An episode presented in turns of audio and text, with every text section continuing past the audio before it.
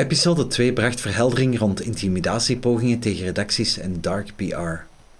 Het gesprek met Karel van den Broek, hoofdredacteur bij Apache, zet zich verder en neemt deze keer de relatie tussen politieke journalisten en politici onder de loep. Wanneer de kat jaren later aan zijn speurtocht begon, kon hij online niets vinden over onderzoeken rond in Vlaanderen.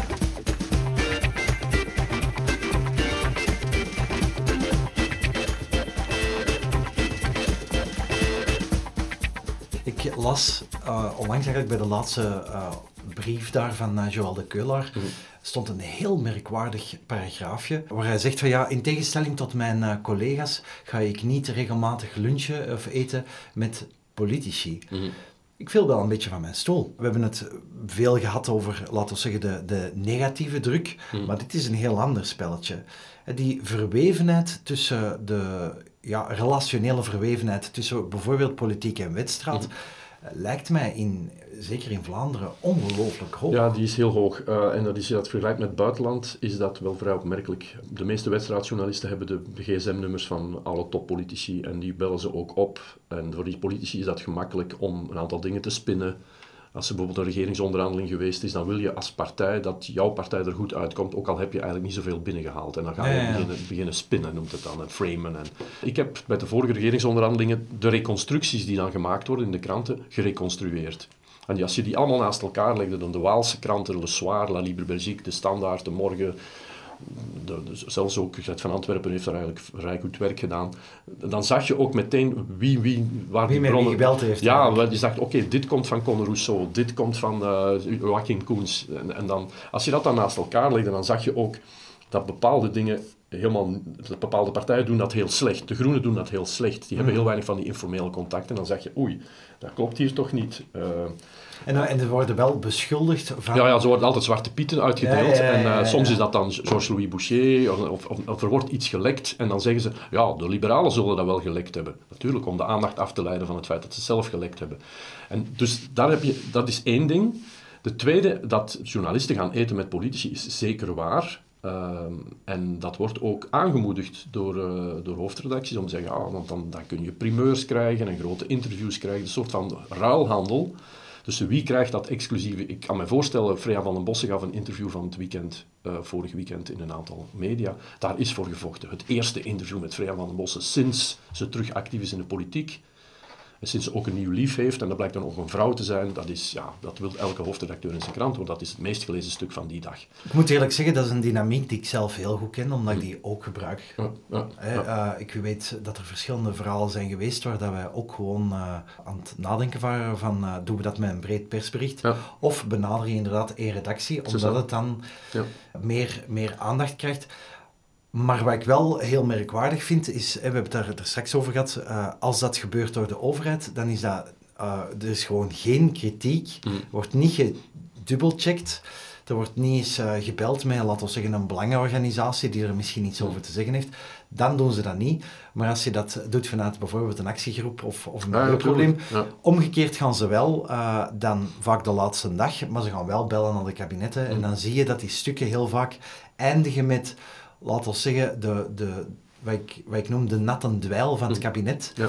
En een woordvoerder die er zo een beetje twijfel over gooit. Ja, ja, uh, en die eigenlijk probeert de wind uit de zeilen te halen. Maar omgekeerd doen ze dat niet. Maar ze willen altijd de bron vergiftigen. Hè? Ze willen altijd, als het er niet goed uitkomt en ze kunnen niks weerleggen van de feitelijkheid, moet de bron verdacht gemaakt worden. En in jouw geval was dat dan, ja, maar dat is geen wetenschapper, dat is een activist. Oké, ja. goed. Maar wat ben jij dan? Je bent een politicus, dan ben je ook een activist. Bedoel, ja, je staat ook voor, minder van, eigenlijk. en zelfs een minister uh, kan je moeilijk zeggen dat hij objectief is, want die verdedigt zijn beleid. En binnenkort, tegenwoordig is het zo, als je een eigen mening hebt en je komt ervoor uit, dan mag je niet aan het maatschappelijk debat deelnemen. Alleen wetenschappers mogen nog debatteren, en dan nog, want wetenschappers die kunnen er ook naast zitten, hebben we gezien tijdens corona. Dus op den duur, het publiek weet het ook niet. ook, hè. Ja, ja, absoluut. Allee, daar heb je, maar dat is denk ik voer voor, voor een, uh, een ander, uh, een ander uh, element.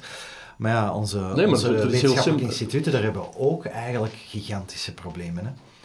Ja, en die worden ook bepaald, zeker als je zag bij de administratie, die, die, soms is het heel simpel. Hè. In, in, heel veel domeinen ligt de waarheid gewoon in de dossiers, in de archieven van de administratie. Je vraagt die op bijvoorbeeld kind en gezin die kindercrashes controleren. Ja, hoeveel crashes er problemen zijn, dat weten zij, dat, dat houden zij bij. Maar als, je, dan, als het dan actueel is en je stelt die vraag, dan zeg je, ja, maar mag je die cijfers niet geven. Van wie niet? Af van het kabinet. Terwijl dat ze die eigenlijk moeten geven. Eigenlijk moeten ze die geven. En dat doe je dan, dan vraag je dat via een parlementslid. Daar kunnen ze het niet aan weigeren, want dat is dan, ja, dat is dan, uh, alhoewel, ze hebben het ook geprobeerd met sommige dossiers.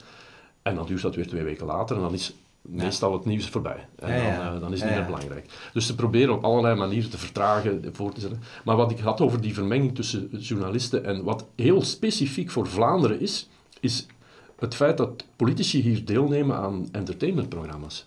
Zelfs Berlusconi, de koning van het populisme, is nooit op een spelprogramma geweest.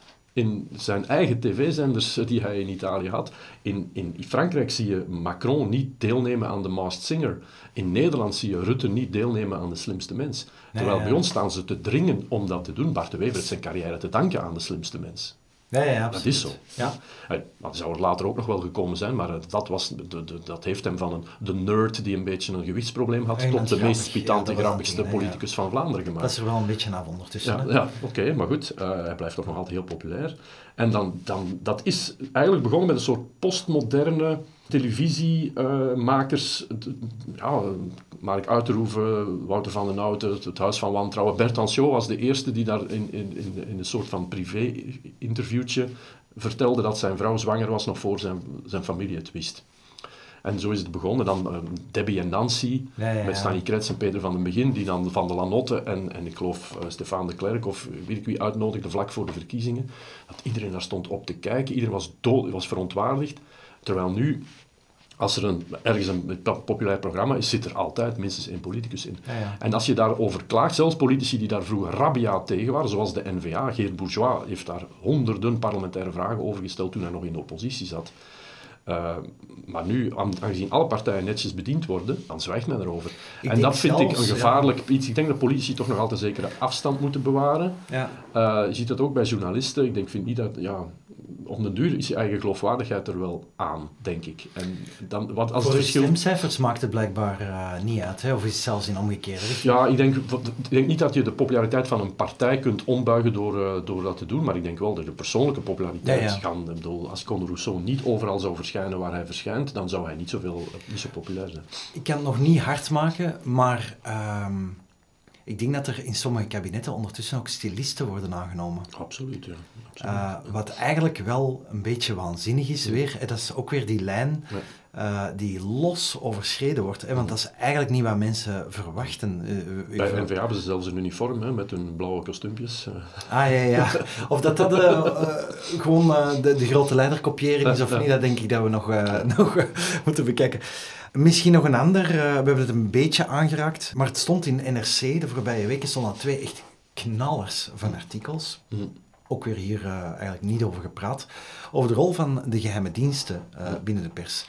En eigenlijk het beeld, één artikel ging over de geschiedenis daarin. En dan zegt men eigenlijk, ja, een deel van de archieven van de geheime dienst in Nederland zijn vrijgegeven. Mm uh, langer dan 30 jaar geleden of zoiets. Dus het is echt oud spul. Maar dan zie je heel duidelijk dat eigenlijk door een soort van koude oorlog denken, dat men ja, zich gewoon rechtstreeks is gaan inmengen in mm. de manier waarop dat nieuws gemaakt wordt. Mm. En dan zou je denken, ja, dat zal dan wel voorbij zijn geweest. goh, ik moest even lachen. Maar NRC uh, eh, heeft ook duidelijk aangetoond dat dat totaal niet zo is. Hè. Ze hebben iets van 33 uh, journalisten bevraagd en 16 daarvan bleken benaderd geweest te zijn door geheime diensten. Mm -hmm. We hebben in die sfeer ook al een beetje gezeten in ons gesprek. Privédetectives, ja, dark PR, al dat soort dingen. Eigenlijk, uh, het is een vorm van spycraft ja, dat je ja. ziet. Maar in hoeverre zien we echt de geheime diensten zelf opduiken in, in, eh, in de media. Ik herinner mij de discussie over of België nieuwe F-16's moest kopen. Dat uh, Dirk van der Malen heel zwaar uh, vanuit ook een dark PR-bureau werd uh, bestookt. En dan kreeg je wel telefoons van mensen die, die, die die de, duidelijk de Amerikaanse uh, vliegtuigbouwersindustrie uh, vertegenwoordigde, die jou informatie kwamen geven. Maar bij geheime diensten op zich, um, onze geheime dienst in België heeft niet zo'n geweldige reputatie. Uh, wordt nogal verweten underperformen. Maar, maar voor alle duidelijkheid, hè, want in het NRC-verhaal, er zit een verhaal in waarbij dan een redactie van een, een hmm. Een communistisch blad zelfs, denk ik, uh, gewoon permanent geschaduwd werd door een team dat daar fulltime op werkte. Denk je dat, er, uh, dat we daar ook beelden van zien? Ik moet eerlijk zeggen, ik heb daar persoonlijk geen, uh, geen uh, ervaring mee. Ik heb hmm. wel collega's die uh, al wat langer in de stiel zitten, die, die nu met pensioen zijn, die daar indianenverhalen en straffenverhalen over kunnen vertellen, die ook bronnen hebben in de staatsveiligheid. Ik herinner me de tijd van de bende van Nijvel, dat is kapot ge, gespind langs verschillende kanten. Ook binnen de staatsveiligheid waren er toen twee kampen. Dus uh, ja, dat, is, uh, dat, dat, dat, dat, ging toen wel heel hard. Ik moet nu wel zeggen, de staatsveiligheid tegenwoordig heeft ook gewoon een woordvoerder. Dan kan die gewoon bellen. Dus in die zin hebben die ook wel een PR. Uh, en, en, en die hebben ook wel gezien tijdens de, de, de, War on Terror dat zoiets als een staatsveiligheid misschien toch wel een nut kan hebben voor een land, hè, voor, de, voor de interne veiligheid. Mm. En als er aanslagen worden verijdeld, dan applaus. Als je nu ziet het Europees Parlement heel de de heisa die daar gebeurd is, de omkoperij, is ook via de staatsveiligheid dat die zaak aan het rollen is gebracht. Maar ja, dat journalisten. Uh, ik vond het bijvoorbeeld vreemd. Wij hebben onlangs geschreven dat er in 2012 een informatieverslag van de staatsveiligheid is. waarin staat dat Bart de Wever gaan eten was met een hele belangrijke vastgoedpromotor. En dat die informant van de staatsveiligheid zei. Dat is toch wel in de gaten te houden, want die vastgoedpromotor staat bekend als iemand die politici opkoopt.